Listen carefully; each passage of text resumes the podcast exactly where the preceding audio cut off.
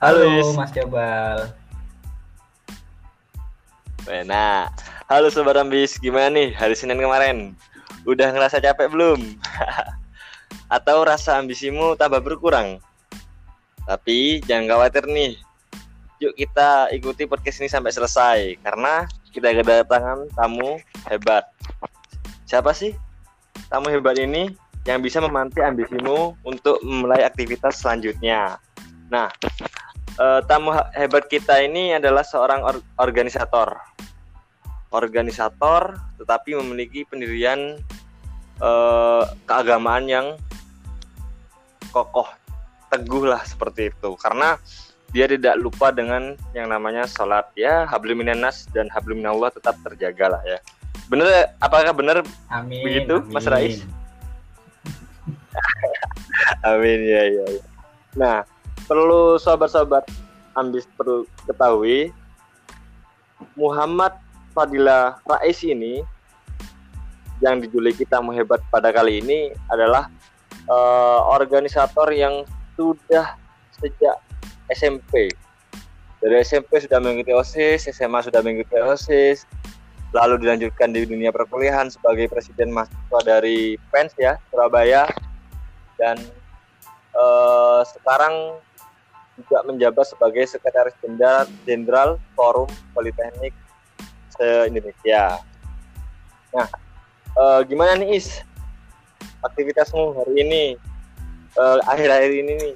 Ya aktivitas akhir-akhir ini sih alhamdulillah nggak sepadet dulu-dulu gitu ya. Cuman ya uh, tetap butuh inilah butuh waktu khusus untuk kemudian menyelesaikan urusan-urusan termasuk eh, mengimbangi antara akademik dan sebagainya. Coba Iya sih ya, memang deng ya oh iya sekarang ini masih kuliah online atau kuliah Langsung ke kampus Alhamdulillah masih kamu online PES. sih sampai saat ini masih online terus. online terus ya? Berarti untuk eh, kegiatan praktikum itu masih dilakukan di rumah Nah, ya? Masih dilakukan lewat simulasi. Oh simulasi. Tapi memang dengan kondisi yang seperti ini sih, memang selayaknya harus dilakukan seperti itu ya untuk eh, ya men- mengurangi lah eh, COVID ini. Ya gimana lagi kan? Covid ini kan juga Ah. juga parah juga ini kalau misal kena gitu. Jadi ya main aman dulu aja. Oh. Oh, tapi sekarang ada di mana nih kamu Is, posisi? Lagi di rumah sih di Surabaya. Oh di Surabaya. Oh iya sih gini sih.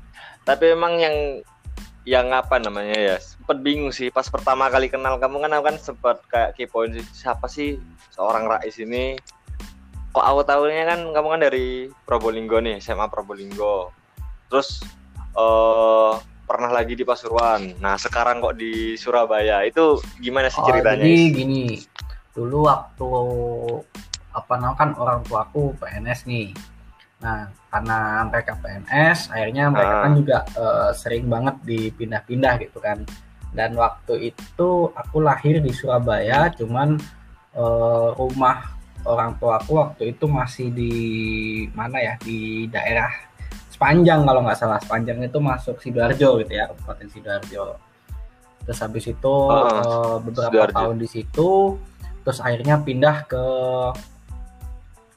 eh, pokok waktu itu di sidoarjo gitu ya. Aku aku lupa pernah ada yang di sepanjang, ada yang sempat di apa namanya deket-deket tengah kota gitu ya. Terus kemudian pindah ke Mojokerto, di mana aku waktu di Mojokerto itu sempat TK, kemudian juga eh, SD satu semester, kemudian satu setelah satu semester pindah gitu kan ke Pasuruan. Nah di Pasuruan ini aku udah lama banget, delapan setengah tahun kalau nggak salah. Di mana waktu itu yang lanjutin SD, berarti Hmm. mulai dari semester 2 sampai eh, akhir gitu ya, sampai semester 12, 6 tahun. Kemudian Iya. SMP juga waktu itu aku di Pasuruan gitu. Cuman kemudian waktu aku SMP ayahku dipindah ke Probolinggo, cuman karena dekat ayahnya ya udah milih PP gitu kan tiap hari. Nah, ketika aku kelas 3 SMP, ternyata orang eh, ibuku itu karena juga PNS juga dipindah juga ke Probolinggo Oh. gitu kan. Eh, apa namanya? sama-sama di kota cuman beda ini beda kantor dinasnya aja gitu. Uh. Akhirnya ya udah aku daftar SMA langsung ke Probolinggo. Terus akhirnya ya udah tinggal di Probolinggo uh, selama kurang lebih tiga tahun. Ya tiga tahun lah kurang lebih ya. Iya iya. Uh, apa namanya sampai aku lulus. Dan ketika aku lulus ya udah kita uh, waktu itu sempat pindah ke Pasuruan bentar gitu ya karena punya rumah yang memang permanen gitu di Pasuruan, Uh. cuman dikontrakan dan ketika Uh. mau kuliah waktu itu sempat tinggal di Pasuruan bentar banget, cuman dua bulanan kalau nggak salah. Terus habis itu karena keterima aku di kuliah di Surabaya ya udah akhirnya karena ibuku ibuku juga udah dipindah ke Surabaya waktu itu. Kakakku juga kuliah di UNER nah Oh, akhirnya aku uh, milih kuliah memang pengen kuliah di Surabaya dan pada akhirnya ya udah kita ngontrak aja di Surabaya kayak gitu dan ya sampai sekarang gitu alhamdulillah kita uh, tinggal Seru di. Surabaya ya. pindah-pindah nomaden hidupnya Alhamdulillah. tapi seru sih. Oh, oh. tapi tapi ya gimana gitu kan dari seorang anak seorang rakyat juga kan mengikuti orang tua juga kan kondisinya orang tua pun dipindah-pindah Nah, juga kan. jadi yang ikut aja Oh, oh. Nah, aku kan sempet cari tahu juga sih ya. Kalau kamu kan sering kayak traveling, terusan kayak sering eh, foto-foto fotografi gitu. Nah, di untuk saat ini sih kamu masih menjalankan itu semua apa enggak dengan kondisi yang saat ini sedang pandemi gitu. Melaksanakan hobi-hobimu So- soal fotografi sih aku masih jalan sih waktu awal-awal pandemi itu sempat berhenti gitu ya kayaknya eh, karena aku punya akun khusus gitu ya untuk fotografi. Nah, teman-teman kayaknya bisa follow juga gitu ya apa kena traveler eh, di Instagram gitu ya. Nah, waktu itu waktu awal pandemi karena ya nggak berani kan ke mana-mana akhirnya aku diem aja di rumah sampai sekitaran Heeh. eh, apa ya waktu itu sampai sekitaran Ramadan waktu itu setelah setelah apa namanya Idul Fitri dan sebagainya baru aku mulai uh, memberanikan diri sedikit demi sedikit untuk keluar gitu kan kalau emang ada urusan terus ya lama kelamaan udah paham lah protokolnya harus kayak gimana dan ya alhamdulillah akhir-akhir ini fotografi bisa jalan lagi gitu meskipun uh, nggak seaktif dulu gitu ya tapi ya udah coba bangkit lagi gitu tetap fotografi gitu Iya bangkitkan uh, hobi lama dan ya udah gitu. Nyoba posting-posting lagi di akun itu gitu. Jadi ya alhamdulillah dulu sempat ganti sekarang udah mulai jalan meskipun belum maksimal belum kayak dulu gitu Iya. Tapi memang eh, yang biasanya keluar terus dengan adanya pandemi ini kayak dikurung di rumah itu kayak ngerasa ada kayak apa ya tekanan-tekanan gitu ya. hmm, tekanan iya sih pasti kalau tekanan kayak nggak bisa ke mana-mana gitu kan meskipun aku sebenarnya orangnya introvert gitu ya maksudnya lebih suka eh, ngerjain sesuatu hal yang memang serius itu sendiri gitu memikir sendiri gitu ya tapi pada akhirnya kalau nggak keluar rumah itu kok ya nggak enak gitu ya kok kok kayaknya nah kayak gimana gitu enak. kayak ada sebagian dari diriku yang hilang gitu. Tapi gimana ya kayak kita dituntut kamu harus kayak gini gitu kan. Tapi dengan adanya kayak eh, kondisi-kondisi yang sekarang adanya protokoler-protokoler yang perlu kita perhatiin. Jadi kayak ada gimana ya? Ada celah gitu loh buat kita keluar gitu gak sih? Hmm, tetap sih bisa ada beberapa celah yang memang patenya bisa diambil gitu, meskipun pandemi gitu ya. Cuman Hmm. ya tetap perlu memperhatikan ini juga Hmm. sih eh, Mm-mm. apa namanya keamanan dan sebagainya. Hmm. Termasuk kayak eh, kegiatan-kegiatan gitu ya, Oh. kegiatan-kegiatan gitu kan juga eh, kalau kegiatan kampus gitu kan belum Oh. bisa untuk bis- eh, bertemu banyak orang gitu kan. Jadi ya ya belum bisa lah kalau Iya. maksimal dulu gitu. Tapi ya kita coba apa namanya adaptasi dengan kondisi kayak gitu. adaptasi. Hah. Tapi memang kalau misalkan nih ya pas eh, sebelum pandemi atau sebelum sebelumnya lah atau pas pandemi ini kamu itu suka baca buku nggak sih? Soalnya kan aku kan lihat di postingan-postinganmu di Instagram kan kayak ada beberapa kayak kata-kata lah yang dia apa namanya maksudnya terinspirasi sih maksudnya ini kosakatanya sudah bagus berarti kan diibaratkan wah dia ini mendapatkan kosakata ini dari membaca ataukah dari apa gitu? Apakah suka baca Eh, buku atau gimana Is? Kamu? Suka sih sebenarnya ya uh, tergantung gitu ya dalam artian kalau yang suka suka banget gitu enggak sih cuman emang uh, beberapa kali emang nyempetin waktu untuk baca buku gitu ya terutama kalau dulu uh, awal-awalnya di hmm. BEM uh, belajar organisasi di kampus gitu ya nyempetin baca buku untuk pengembangan pengembangan diri gitu untuk leadership uh. dan sebagainya cuman uh, selama pandemi ini uh. kemarin aku sempat baca buku pengembangan diri itu kayak gimana gitu kayak nggak mood kayak terlalu berat gitu ya. tekanan udah udah kayak gini stres gitu ya terus masih masih apa nah ketambahan kayak gitu. Akhirnya stresnya nambah akhirnya aku nyoba beralih ke buku-buku fiksi atau sastra gitu ya. Uh, ya kayak misalkan uh, The Alchemist-nya Paulo Coelho atau mungkin The Old Man and the Sea-nya Ernest Hemingway gitu ya. Dan sekarang aku lagi nyoba uh, nyelesain Supernova-nya di Lestari kayak gitu jadi uh, nyoba shifting dari buku-buku pengembangan diri untuk ke buku-buku yang mungkin lebih ke entertainment sih ya, lebih ke fiksi, lebih ke apa namanya uh, fantasi dan sebagainya gitu. Cuman ya udah uh, yang penting baca buku, yang penting uh, aku tenang dulu gitu, nggak nggak perlu memaksakan diri untuk baca buku pengembangan diri ter, uh, terus menerus diselingi lah. Ada buku uh, uh. buat santai-santai, ada buku untuk mengembangin diri kayak gitu. Jadi uh, berusaha ini berusaha menyeimbangkan kayak gitu cuman kalau ya baca buku aku baca buku oh. ya berarti tapi memang dengan adanya pandemi itu kayak ada peralihan gitu ya jadi kalau kan kayak biasanya sih karena ada posisi pandemi ini mohon maaf ada ada kondisi pandemi ini kalau misalkan butuh e, membaca buku yang pengembangan pengembangan itu kan kayak sudah kayak tambah buntek gitu kan Nah dengan adanya pandemi ini kan kayak kamu kayak ngerasa teralihkan gitu. Yang awalnya buku yang pengembangan beralih ke buku sastra, sastra gitu enggak sih?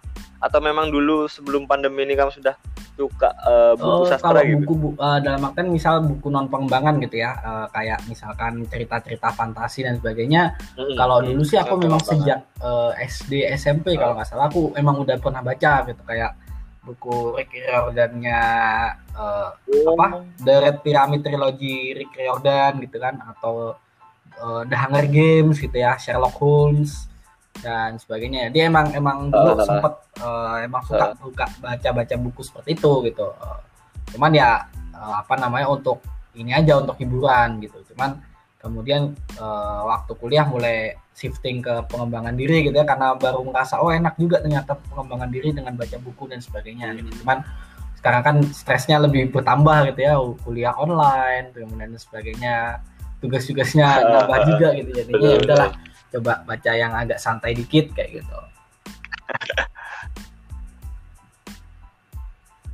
Iya sih memang benar seperti itu.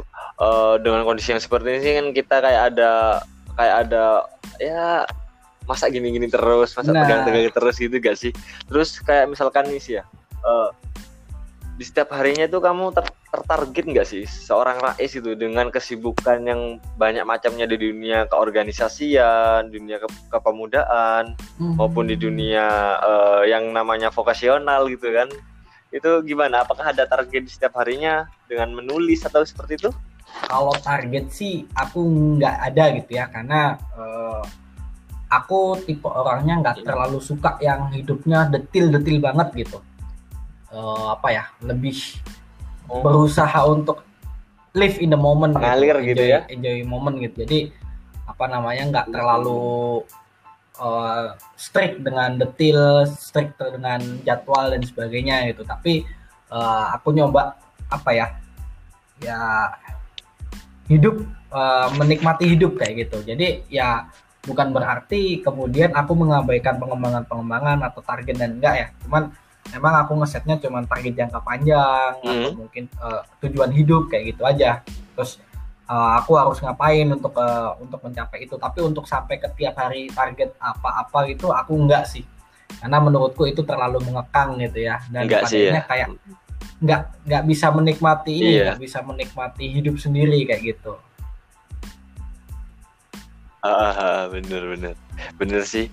Tapi emang juga seorang aku sih kaget sih kalau misalkan Rais nih seperti ini kan kadang kan juga wah Rais ini orangnya kayak apa ya soalnya kan kan ngelihatnya kan dari sudut pandangku di sosmed kan kadang uh, Rais ini punya pemikiran seperti ini, konseptualnya juga mateng, terus dia uh, dalam kesehariannya sudah seperti itu. Ternyata juga dia punya rasa apa ya?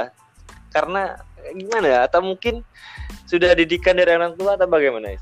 Lingkungan atau seperti apa? Ya? Kalau lingkungan sih uh, sebenarnya ini ya sempat beberapa kali diarahkan untuk uh, apa namanya untuk itu tadi bikin uh, timeline, bikin target per hari, daily uh, to do list dan sebagainya gitu ya. Dulu aku sempat bikin, aku sempat uh. nyoba, ya udahlah aku nyoba gitu ya bikin to do list. Dulu aku nulis di tembok uh, sekarang apa gitu, hari ini harus ngapain, targetnya apa gitu. Aku sempat, aku sempat uh, seperti itu. Cuman aku ras, uh, setelah aku evaluasi kok kayaknya malah nggak ini gitu ya nggak nggak uh, merasa ada kecocokan dan malah merasa kayak terbebani dengan hal itu gitu. Meskipun aku tahu hal itu bagus gitu. Hal itu bisa membantu aku. Cuman uh, ya udah aku coba kemudian eksperimen lagi gitu ya. Eksperimen ya eksperimen pada diri sendiri gitu ya kalau misal aku nggak bikin nggak bikin target-target gini gimana sih gitu? Tapi maksudnya aku eh, nggak uh, nulis gitu ya tapi aku ngerti oh hari ini aku mau ngapain? Ya udah cuman aku nggak sampai detail banget ngapain ngapain jam ini ngapain jam ini ngapain nggak? Cuman ya udah aku aku dari tadi yang aku tulis target-target itu aku tulis aku coba nggak tulis gitu. Cuman udah aku mindset sejak pagi oh aku hari ini ngapain kayak gitu. Aku coba gitu ya aku coba kayak gitu dan ternyata ya fine fine aja gitu apa yang uh, apa namanya apa yang berusaha hmm. aku capai secara jangka panjang ya sekarang masih bisa terjalankan meskipun padanya progresnya malah nggak kelihatan gitu ya karena kan nggak tertulis gitu ya aku nggak akhirnya uh, kemarin ngapain aku lupa gitu cuman bener, bener. ya masih tetap aja masih tetap bisa gitu karena ya itu memang pendapat gitu ya pendapat orang untuk kemudian bikin daily uh, target uh, harian dan sebagainya gitu ya. Tapi bukan berarti itu satu-satunya cara gitu. Jadi aku masih eksperimen cara apa sih yang terbaik untuk aku gitu. Apakah dengan cara memasang targetku dengan tertulis aku tempel di tembok atau ya udah aku harus aku cuma cukup tahu aja hari ini mau ngapain kayak gitu. Ini masih masih eksperimen gitu. Apa mana yang terbaik untuk itu aku, gitu. itu kamu sudah memiliki pemikirannya seperti itu sudah melakukan eksperimen seperti itu itu awal mulanya kapan nih sejak kapan uh, kalau yang dulu aku sempat memasang target gitu ya itu waktu tahun 2018 yeah. mulai pertengahan sampai 2019 pertengahan waktu itu aku masih ngurus ospek sama uh, menyalonkan oh. diri jadi presbem gitu kan waktu itu terus ya waktu di awal-awal jadi presbem aku strict uh. banget gitu masalah jadwal masalah ini masalah ini gitu. Dan padanya ya memang ada beberapa masalah uh. yang nggak sesuai dengan kok gini sih? Kok jalannya kayak gini? gitu tiba-tiba nggak sesuai dengan apa yang aku set di awal. Kemudian uh, memasuki bener. 2020 awal aku uh. orangnya jadi agak santuy gitu ya. Mungkin uh, aku sedikit kepengaruh uh, kerja eh, praktek ya, waktu itu kerja praktek uh, magang. Kemudian dengan beberapa uh, temanku yang memang hidupnya agak santuy tapi mereka tetap berprogres gitu. Akhirnya aku nyoba oh yaudah aku nyoba eksperimen kayak uh. gini aja. Aku santuy uh, tadi catatan-catatan itu aku nggak lanjutin gitu ya. Uh, kemudian ya masih jalan-jalan aja. Bahkan kayak apa ya? Kayak apa yang seharusnya A sampai Z meskipun dari A ini nggak langsung B tapi tiba-tiba langsung ke M gitu kayak ya udah sih nggak masalah gitu ya. Selama memang uh. tujuannya masih tetap ke Z ya aku nggak masalah gitu. Uh, aku membiarkan orang lain untuk berimprovisasi gitu. Oke okay, gitu ya. uh, tujuannya sama dan nggak melanggar norma-norma atau melanggar peraturan-peraturan yang udah ditetapkan di awal kayak gitu. Jadi kayak ya nyoba nggak terlalu strict lah. Kalau kalaupun ada perubahan ya nggak apa-apa selama itu uh, apa namanya tetap ada tujuan. Jadi uh, lebih demokratis kayak gitulah aku nyebutnya. Uh, benar-benar kayak lebih kayak gimana ya? Ya jalan tapi ada tujuan nah, tuh jalannya santai gitu ya. Dimulai tahun 2020 awal lah gitu. 20 ini jadi ya. misal uh, kayak aku mau ke nah, Surabaya nah, 2020 Malang, awal gitu ya. ya terserah mau lewat mana mau ya paling cepet kan sebenarnya hmm. lewat uh, apa namanya kalau dari Surabaya berarti lewat sidoarjo gitu kan lewat Ngempol kemudian uh, apa uh. Pandaan Lawang terus Malang gitu kan tapi bukan berarti itu satu-satunya jalan gitu kan masih bisa juga aku dari Surabaya uh, sidoarjo yang kleng dulu ke Pasuruan dan sebagainya atau bahkan uh, apa namanya dari Surabaya uh, sidoarjo Mojokerto kemudian lewat Cangar Batu ke Malang itu kan juga masih bisa gitu ya uh, karena uh, hmm. Ya tujuannya tetap uh, ke Malang gitu. Entah lewat jalan mana pun boleh gitu. Dan aku kan uh, apa ya perlu memikirkan juga gitu ya uh, staff-staffku atau mungkin uh, teman-temanku ini berproses juga gitu bareng aku. Sehingga aku juga memastikan mereka uh, punya pengalaman gitu. Kalau lewat misalkan Surabaya ke Malang kalau lewat Cangar itu kayak gimana itu ya bisa gitu tapi tantangan apa yang harus mereka alami uh, lebih jauh dan uh, kosnya lebih banyak kayak gitu. Kalau lewat Pasuruan pun juga bisa tapi ya kayak gini. Sehingga nanti mereka bisa oh ternyata gini mas paling deket uh, paling dekat itu ya udah lewat Pandaan gitu. Lewat Pandaan uh, kemudian Purwosari, Lawang dan sebagainya kayak gitu paling deket. Nah, berarti dia sudah bisa berpikir efektif dan efisien kayak gitu. Jadi aku juga berusaha ngajak uh, teman-temanku, staff-staffku untuk kemudian bisa uh, merasakan sendiri gitu ya pengalaman hidup kayak gitu. Uh, Lika-likunya nah, gitu kan, ya. Uh, guru terbaik adalah pengalaman kan gitu. Pengalaman, benar-benar. Nah, semis uh, aku nih tanya nih sih ya. Dari titik saat ini yang sudah kamu capai nih. Dari uh, eh, SD, SMP, SMA sampai kuliah. Di titik mana sih kamu bisa kayak dapat oh fieldku ini menemukan seorang rais muda ini di titik ini misalkan di titik SMA atau pas pada saat kuliah atau tuh gimana ya?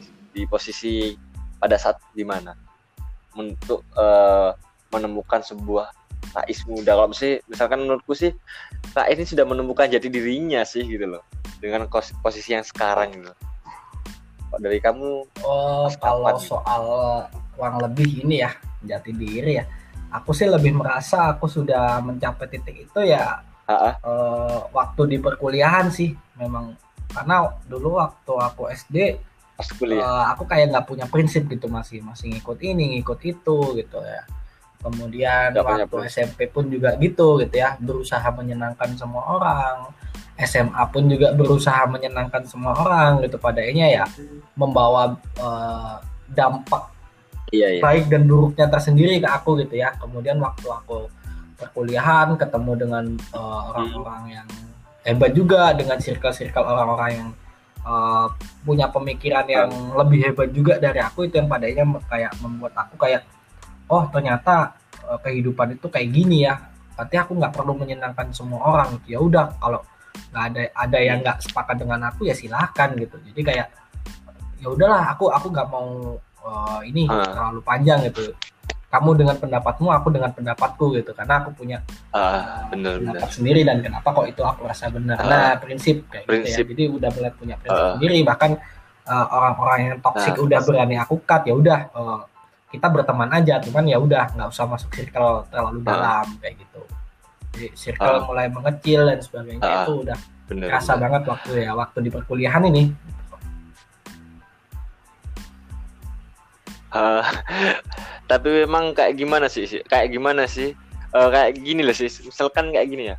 Uh, aku tuh melihat kamu, misalkan nih dari ceritamu dari SD-nya ke Pasuruan, baik lagi ke Probolinggo, terus kembali terus kembali ke apa ya?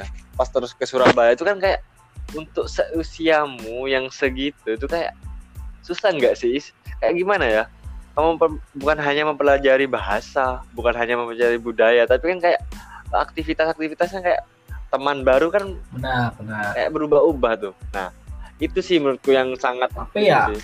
susah juga sih ah, serunya uh, itu sih kalau pindah-pindah ya kayak bisa uh. Pasuruan ya aku aku di Pasuruan uh, bayangin delapan setengah tahun nih udah uh, lama udah punya banyak teman udah ya udahlah udah membudaya banget gitu ya Pak. Uh, Begitu pindah ke Probolinggo itu bahasanya udah beda gitu ya.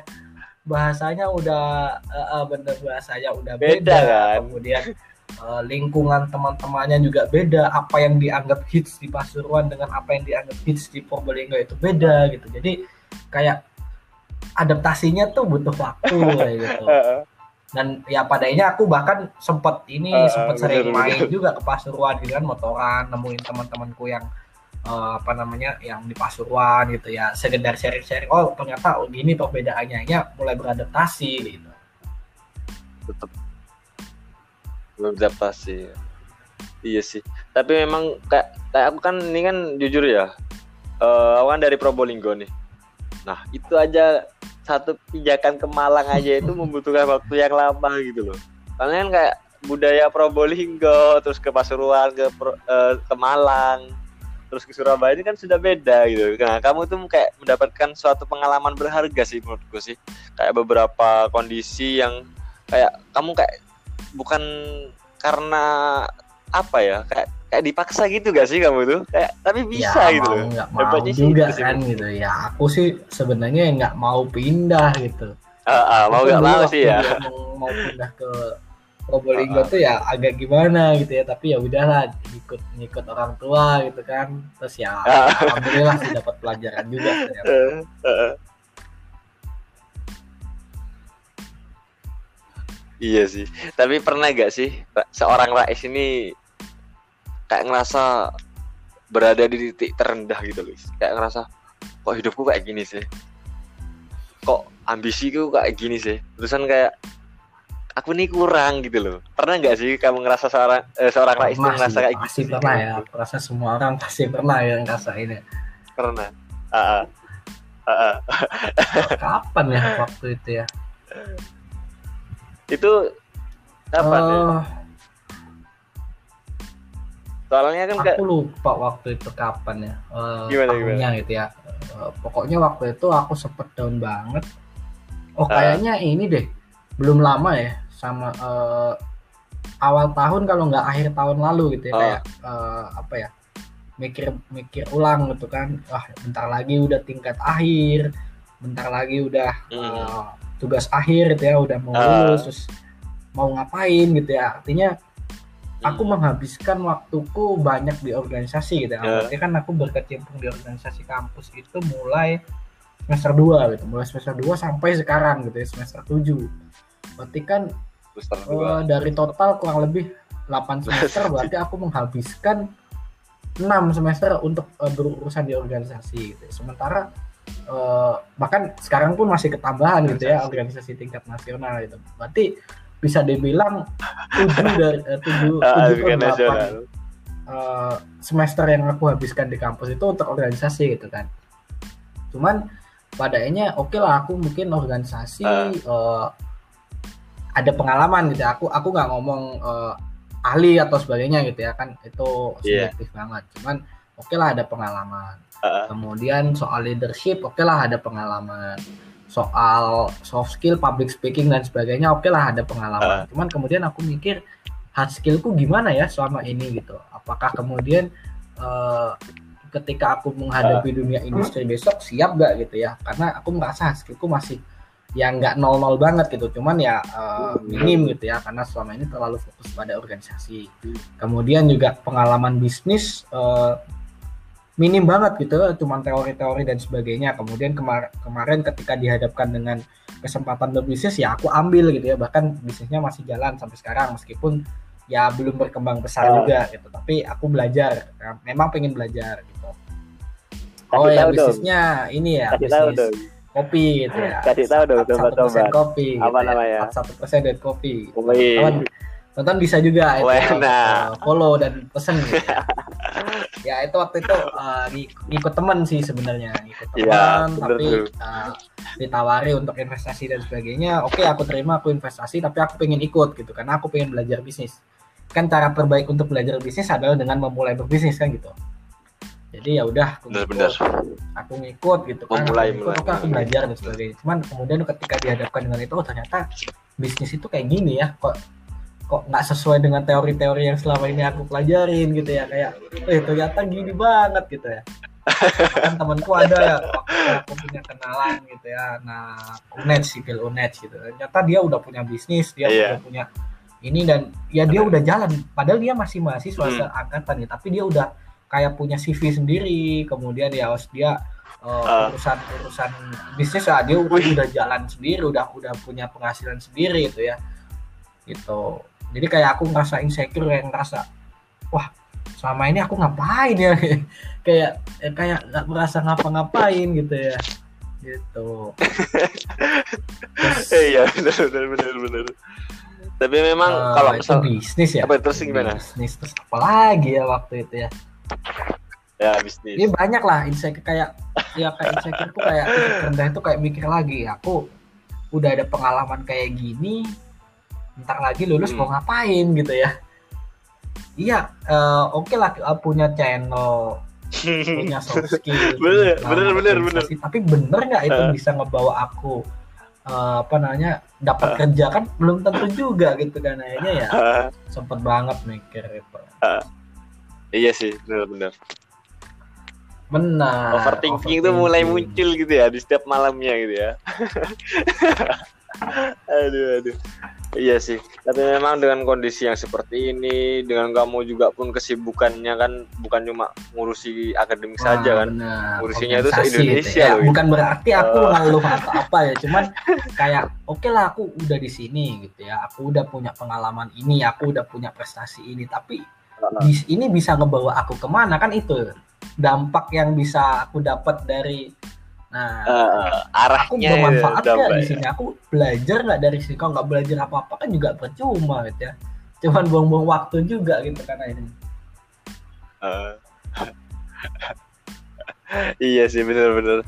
Tapi emang ya gitu sih seorang Rais beda gitu loh. Kalau misalkan dia merasa insecure dia tuh kayak merasa terpancing gitu kayak dipanting gitu kan. Iya ya enggak sih? menurut menurut orang kayak gitu sih eh, guys kamu selama ini ya aku ngerasa lemah di eksekusi sih Mas Ian gitu. Maksudnya oke lah aku udah punya planning kayak A B C D E gitu. Belajar bisnis gimana belajar ini ntar gimana gimana. Cuman Ah. pada akhirnya memang ya masih lemah di eksekusinya gitu ya. Karena kayak ngerasa oh aku nggak bisa ngelakuin ini sendiri. Aku kayaknya butuh orang deh untuk kemudian aku bisa belajar langsung ke orang itu gitu. Makanya kemarin ketika ada peluang bisnis ya udahlah aku ambil gitu ya supaya apa? Supaya aku bisa langsung belajar ke orangnya gitu. Kalau cuma teori aja ya langsung. ya kenapa aku nggak ngambil kuliah bisnis Ah, aja bener, gitu kan? ah bener bener. Tapi itu ambisi positif guys. Itu ambisi positif sih. Kalau misalkan ya ya bodoh amat lah orang lain berkata apa. Yang penting kan kita kan mau usaha gitu kan mau mencoba ambisi yang dibarengi dengan lah. melihat Ya, yang realita gitu ya. Kalau aku belum. posisi kayak Ah. gini nggak punya ambisi nggak mau belajar nggak punya apa ya ya udah aku bakal terkikis oleh zaman kayak gitu. Iya sih bener-bener. Nah pandangan ke depanmu nih, Is, sebagai seorang rais eh, yang katanya mungkin ya bukan insecure sih, lebih lebih, lebih tepatnya itu kayak masih belum percaya nanti ke depannya kayak apa. Ambisi terbesarmu nih sebagai seorang rais nih apa Is? Ke depannya gitu. Apa yang kamu pengen capai gitu dengan atas pencapaian pencapaian yang kamu sudah raih Oh, sebelumnya. kalau soal pencapaian sih ya sebenarnya aku itu pengennya punya bisnis gitu ya, punya bisnis, Ah. eh, pengen hidup eh, apa namanya nggak di perkotaan gitu ya, pengennya di di ya nggak di pelosok pelosok banget gitu ya, ya di pedesaan, di lereng gunung gitu ya, punya lahan Ah. pertanian dan sebagainya gitu ya, kemudian eh, apa ya hidup di tengah-tengah masyarakat Hmm. gitulah intinya kalau kalau ambisiku ya, tapi eh, untuk mencapai sana itu ya nggak semudah yang Hmm. diomongkan kan pasti aku butuh belajar sebanyak mungkin untuk kemudian ketika aku bisa eh, misalkan udah Hmm. punya bisnis kemudian baru nanti eh, dengan segala ilmu yang aku punya segala materi yang aku punya aku bisa eh, tadi ya tinggal di pedesaan bikin lahan pertanian kemudian mengimplementasikan ilmu-ilmu di masyarakat gitu ya membawa ilmu eh, mengajarkan ilmu-ilmu itu ke masyarakat juga gitu ya. Kan eh, kuliah itu sekarang semakin mahal itu ya ke depannya itu. Sehingga akses ke perguruan tinggi pun juga semakin sulit gitu ya ya udah kalau memang nggak bisa kuliah ya udah berarti orang-orang lulusan-lulusan kuliah ini yang harusnya membawa ilmu itu ke masyarakat kan kayak gitu bener bener bener. Benar. Sebagai seorang mahasiswa ya, ya sekarang masih change. mahasiswa gitu tapi ketika nanti udah lulus ya masa kemudian eh, malah Ah, ah. malah menindas rakyat gitu kan ya lucu juga gitu ya Ah, ah. jangan sampai gitu kan ya mudah-mudahan tercapai amin. Ya ambisi-ambisi positifmu tapi aku nih sangat kepo sih sama quotes inspirasi yang sering kamu apa namanya ya quotes impi- inspirasi dari seorang Rais ini apa sih? Kalau Pasti kan setiap orang kan ya, punya kan Kayaknya sih eh satu kata aja Iya. sih kalau aku ya, Mas Tato Tum gitu. Mas Tato Tum di mana Mantap. artinya Mas Tato Tum itu berusaha apa tuh Is? semaksimal mungkin gitu ya. Terus bercoba, terus berusaha, jangan pernah berhenti gitu ya. Terus saja berusaha gitu. Sampai Allah yang mencukupkan.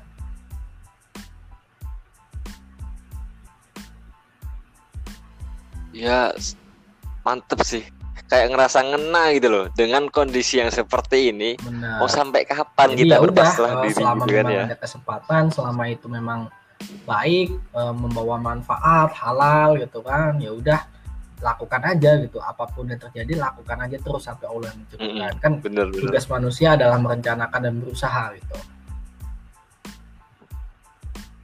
Bener, sikat. Ada sikat kesempatan, gitu ya sikat aja. gitu.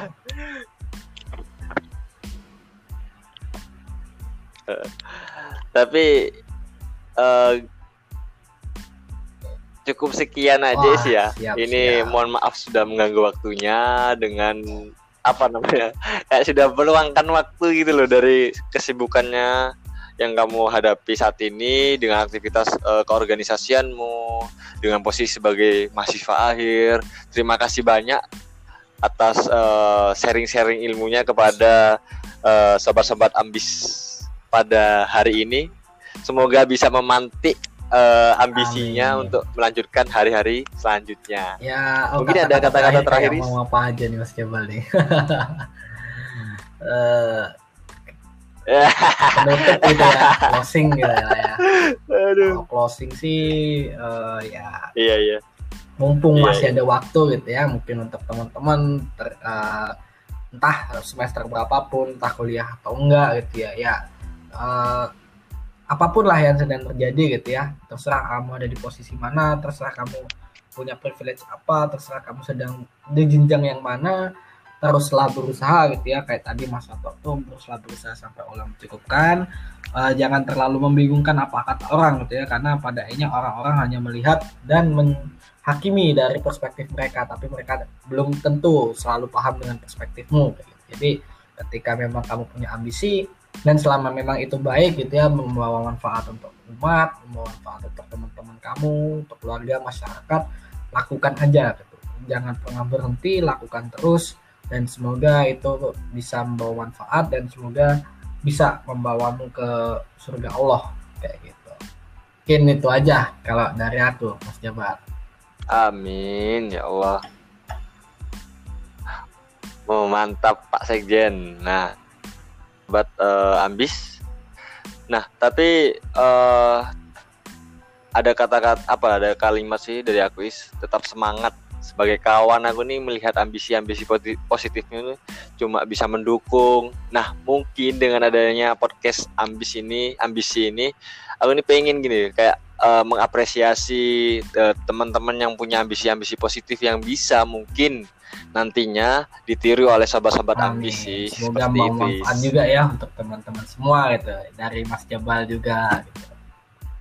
Amin. Amin amin. Ah, Nah, nih untuk yang terakhir yang beberapa kali jangan lupa untuk mengisi kuesioner di IG Ambisi ID. Nanti bisa tuh kalian sobat-sobat ambis mengisi apa sih yang kalian dapatkan di eh, ambisi ini podcast ini eh, dengan mengisi kuesioner yang sudah tersedia dan bisa kepoin tuh dari IG IG Mas Ais yaitu apa IG-mu is? underscore kais. Oke, terima kasih Mas Rais, terima kasih. Eh, cukup sekian dari podcast kali ini. Semoga bermanfaat bagi kita semua. Barakallah. Wassalamualaikum warahmatullahi wabarakatuh.